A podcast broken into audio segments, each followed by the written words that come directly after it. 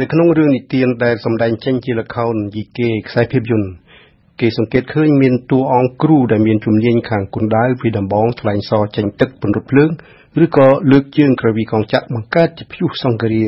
បាក់ភ្លុកទឹកភ្លុកដីគ្រូទាំងនេះមានឈ្មោះថាអេសីអាគីណេតឬអេសូជួយខាងអំបូយ៉ា គេសន្មត់ថាគ្រូទាំងពីរប្រភេទនេះមានគរុកោសលរៀងរៀងខ្លួនដោយបានផ្ដល់នៅចំណេះដឹងដល់សិស្សសានុសិស្សជាមនុស្សឬជាយៈប៉ុន្តែគេពុំអាចដឹងនៅគរុកោសលរបស់លោកគ្រូអេសូអេសីទាំងនេះក្រៅអំពីការទស្សនាល្ខោនភាសាទេ Une définition simple à comprendre de la pédagogie, c'est d'abord la réflexion qui oriente l'éducation dans la transmission des valeurs. L'éducation devient dès lors construction. Éduquer, c'est construire. En somme, la pédagogie a pour objet de réfléchir sur les systèmes et sur les procédés d'éducation. Il y a la pédagogie cybernétique, expérimentale, et la pédagogie curative. Cette dernière consiste à corriger les difficultés d'adaptation scolaire. គ្រូកោសលក្នុងការបង្ហាត់បង្ហាញអ្នកដែលមានអាជីពរួចហើយជាគ្រូកោសលសម្បូរបែបដោយមានការផ្ដល់ចំណេះដឹងនិងបទពិសោធន៍ពីគ្រូទៅសិស្សផងនិង ការទាញយកបទពិសោធន៍អំពីសិស្សមកវិញផងប៉ុន្តែសិស្សចំណាស់ដែលបានចេះច្បាស់នៅមុខវិជ្ជាណាមួយ ហើយមានបទពិសោធន៍ការងារទៀតផងនោះសិស្សប្រភេទនេះជាត្បូងពេជ្រដ៏មានតម្លៃចំពោះគ្រូផងត្បិតអីទាំងគ្រូទាំងសិស្សអាចបំពេញបន្ថែមគ្នាទៅវិញទៅមកនៅចក្ខុវិស័យផ្នែកច្បាប់តុលាការឬរដ្ឋបាលនិងសង្គមហើយក៏អាចជាកមរមាស់ស្អុះស្អាប់រវាងគ្នានឹងគ្នាទៀតផងប្រសិនបើសិស្សយល់ថាអញក៏ចេះដែរ ឬក៏ថាអញចេះជាងគ្រូហើយបានចូលអង្គុយក្នុងថ្នាក់ទាំងមុខជួហួញយកចង្អុលដៃវាសដូចព្រួយលើទូរស័ព្ទចូលមើល Facebook ធ្វើប្រងើយព្រមទាំងមិនស្ដាប់សម្ដីគ្រូហើយមិនអាចឆ្លើយនឹងសំណួរគ្រូនៅពេលដែលត្រូវសរសេរវិញ្ញាសាខ្លីស្ដីអំពីសាលក្រមជាអាចសិស្សដ៏ស្អប់ស្អាប់ទាំងនេះមិនខ្ចីអើពើនឹងសរសេរផងឬមួយពួកគាត់ខ្លាចអន់ខ្លាចខុសឬមួយពួកគាត់ចេះវិជាចម្រោះពេញខ្លួន ทุนกบาลสลักแต่ให้ก็มันดัง Mon expérience à l'Académie royale des professions judiciaires à Phnom Penh est significative à cet égard. Le délai imparti pour rédiger un projet de jugement étant expiré, les copies déposées devant moi comptent sur les doigts des deux mains. Changement de tactique pédagogique, j'aborde la question orale forçant les procureurs et juges qui n'ont pas rédigé à parler, à motiver son jugement, à émettre son avis en termes de dispositif du jugement. La pédagogie s'adapte à la réalité de la situation, tel un escadron de gendarmes rencontre un foyer d'incendie non prévu dans leur plan de campagne, doit contourner l'obstacle pour ne pas être à découvert. គ្រូកោសលប្រៀបបាននឹងស្រមោលដែលបន្ទួលតាមប្រានប៉ុន្តែឧបសគ្គមួយដែលគ្រូត្រូវពុះពៀគឺប្រសិនបើពួកសិស្សដ៏ចំណាន អាចឈានដើរទៅមុខលឿនជាងក្រុមសិស្សនិស្សិតមួយក្រុមទៀតតើគេត្រូវឲ្យស្រមោលបែកភាគដើរតាមគ្នាបែកចេញជាពីក្រុមឬយ៉ាងណាគេមិនអាចធ្វើយ៉ាងដូចនេះទេ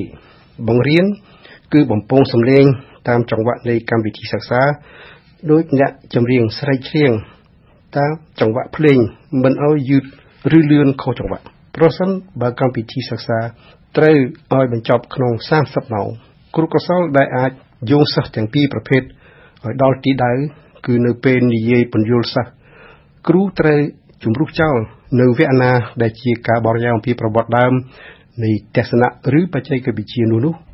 ដោយបញ្ជាក់ប្រាប់ថាទាំងអស់នេះមានសរសេរក្នុងមេរៀនដែលម្នាក់ម្នាក់ទាំងអាចរៀងរៀងខ្លួននៅផ្ទះអាន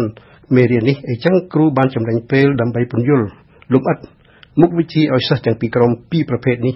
ចេះចាំវេទមន្តនេះដូចដូចគ្នា C'est cela ma façon d'enseigner le droit pénal spécial aux étudiants de quatrième année de droit à Phnom Penh. Quant à la charge de travail, les missionnaires venant de France disposent peu de temps lors du séjour au Cambodge.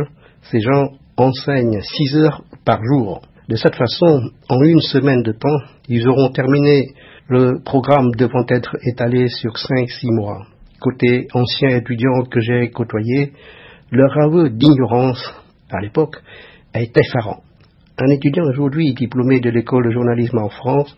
m'a dit qu'il ne comprenait pas grand-chose à l'issue des six heures par jour d'enseignement. En plus des difficultés linguistiques, la technique juridique apprise en six heures d'affilée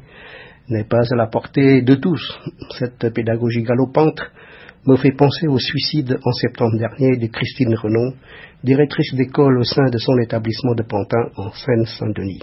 Toute proportion gardée, mes propos visent la façon d'enseigner, pas la charge de travail. Il est évident que les missionnaires se prélassent à la plage après avoir accompli leur enseignement de 30 heures. Rien à voir avec le cas de suicide ci-dessus évoqué. សម័យបច្ចុប្បន្នចំណេះដឹងគ្រប់វិស័យគេអាចច្នៃប្រឌិតតាមរយៈ Google, Wikipedia ឬ YouTube មិនចាំបាច់ YouTube អោបទៀនទៅវត្តស្រោចទឹកឲ្យភ្លឺបញ្ញាក៏គេអាចយក iPhone ជាក្បូនមិនឲ្យលងទឹកនេត្រាខ្មាស់គេថាល្ងងបានមួយពេលដែរអញ្ចឹងគ្រូត្រូវដឹងថាសិស្សមានចំណេះខ្លះខ្លះហើយរីឯគ្រូកុសលក៏អាចផ្ដល់ពន្លឺណែនាំសិស្សកុំឲ្យចេះឆ្កងចេះឆៅចេះស្ទើគឺណែនាំឲ្យគាត់មានចំណេះឆ្អិនឆ្អៅទើបប្រកបានប្រសើរក្នុងជីវិត Effectivement, la pédagogie s'efforce de mettre de l'ordre quand les tâtonnements intellectuels ne livrent qu'obscurité et confusion. Aussi, l'enseignant n'ayant plus le monopole de la diffusion des savoirs, trouve-t-il un statut social et intellectuel accordé avec l'évolution des sociétés? La parole de l'enseignant n'est plus comme jadis seulement l'exposé d'un savoir préalable, mais aussi le développement d'une pensée qui s'ouvre à travers la médiation de la culture sous toutes ses formes. Que signifie médiatiser le savoir par des objets culturels គឺថាការបរៀនតែមាត់ទៅទេវាមិនគ្រប់គ្រាន់ទេត្រូវមានបញ្ចាំងរូបភាពនិងគំនូរប្រព័ន្ធប្រតិកីឡាឆ្វែងឆ្វាត់បញ្ចាំងលើផ្ទាំងក្រណាត់សចំណែកឯខ្លួនខ្ញុំវិញក្តារខៀននិងដីសជាឧបករណ៍ដ៏ប្រណិតត្បិតអីសិស្សផ្ដោតចក្ខុទៅលើតែអ្វីដែលគ្រូកំពុងសរសេរមិនរីងាយមើលរូបភាពផ្សេងទៀត Le maître entretient dès lors avec l'élève des rapports particulièrement riches et exigeants. Merci chers auditeurs d'avoir écouté. Au revoir et à bientôt.